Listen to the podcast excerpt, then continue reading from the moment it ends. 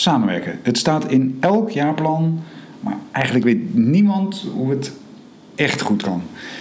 En dat bracht uh, mij, Guido Verboom en Stefan Snapvangers tot het idee om daar eens een podcast over te gaan maken. Maar hoe maak je daar dan een podcast over? Nou, daar had Steven Snapvangers, die is veel bezig met design thinking. Dus dachten we, hoe leuk is het om het principes van design thinking toe te passen op het maken van een podcast. Maar dat wil doen, moet je natuurlijk wel eerst even weten wat design thinking is. Dus vroeg ik Steven in zijn kantoor in de Pionier, ehm, terwijl je buiten nog de regen hoort uit de naweeën van de Chiara-storm, vroeg ik hem: wat is design thinking nou eigenlijk?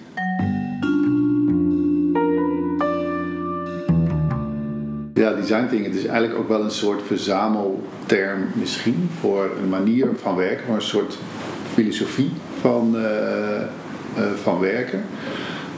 Um, waarbij je ergens aan begint en eigenlijk weet je niet precies waar het toe zal leiden. En dat je ieder geval bereid bent om dat ook te laten gebeuren. Van, nou, we beginnen ergens aan, we hebben een soort van beginvraag of een probleem of we lopen ergens tegenaan. En uh, design thinking aanpak wil dan zeggen, nou we, we gaan beginnen en uh, uh, weten nog niet precies waar het toe zal leiden.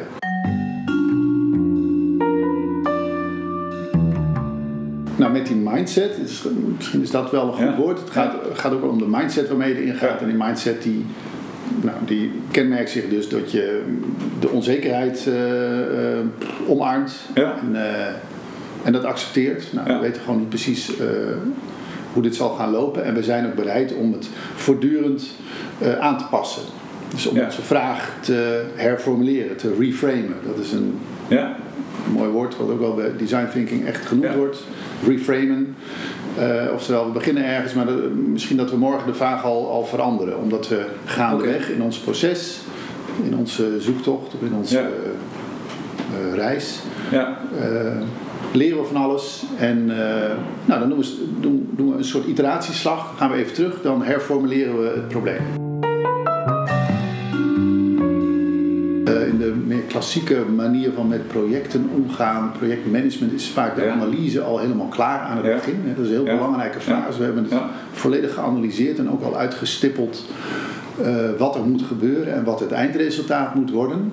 En die ja, dat, dat plannen we uh, op een bepaalde manier uh, dicht.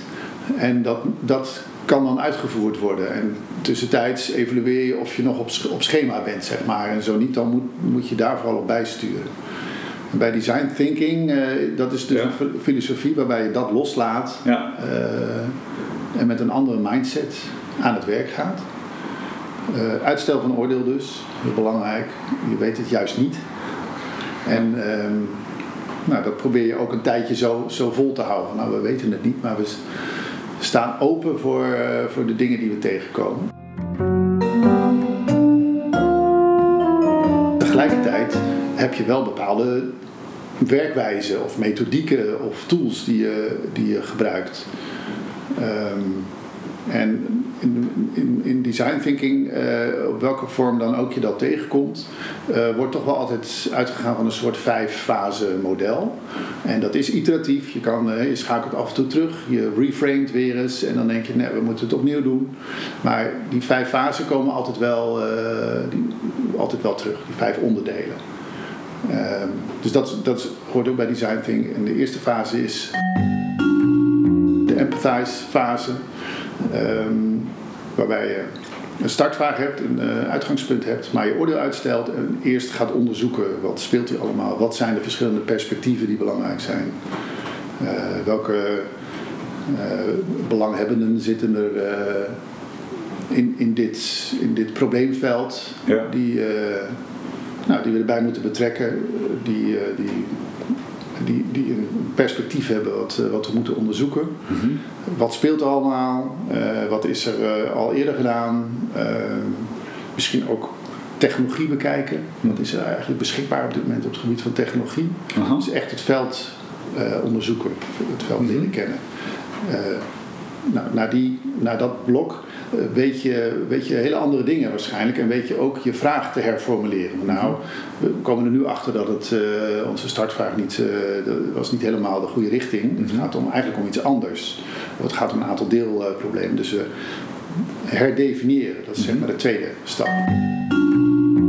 Dus na empathize komt herdefiniëren. en dan, en dat is misschien wel de meest bekende fase van uh, design thinking, of wat je daar misschien het snelst mee associeert, dat is het uh, uh, brainstormen, dus het ideation. Hmm. Dat is zeg maar de derde blok.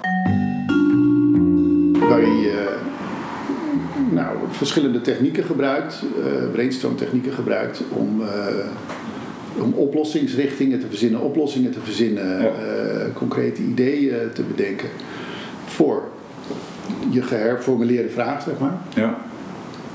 Um, en daarna komt ook een belangrijk kenmerk van design thinking, en is dat je probeert iets te maken wat je kan testen. Dus dat is de vierde blok, gaat over prototyping. En waarom prototyping? Omdat je dan kan testen of je idee ergens op slaat. Ja. Uh, en dat is het vijfde blok. Je gaat testen of datgene wat je hebt bedacht, probeer je concreet te maken in een prototype, ja. wat dan ook. En dat probeer je uh, te testen op de, op, uh, nou ja, op, de, op de, de doelgroep, zeg maar, voor wie je eigenlijk iets probeert op te lossen. Ja. En de feedback die je daarvan krijgt, gebruik je weer om, om weer een iteratie te maken, om het aan te scherpen, om het te verbeteren. misschien opnieuw te beginnen. Ja. Ehm, en dat klinkt allemaal vrij complex, maar dat zijn ook uh, onderdeel van de filosofie is ook dat je dat probeert in vrij korte cycli te doen. Zodat je, uh, oké, dit is het probleem, dat herformuleren we. Uh, we hebben een aantal oplossingsrichtingen, een aantal oplossingsideeën. Ja. we pakken daar één of twee uit die verwerken tot een, een prototype. Ja. en die gaan we gelijk testen. Kijken of het ergens op slaat. Ja. In plaats van heel lange tijd te nemen om iets te ontwikkelen en uit te komen op iets dat je aan het einde pas ontdekt. Hé, hey, maar dit, uh, op de ene manier hebben we de plank misgeslagen. Of uh, god, niemand koopt dit. Of hé, hey, dit is helemaal niet wat de klant vroeg. Nou, dat, dat zijn denk ik de kenmerken van design thinking.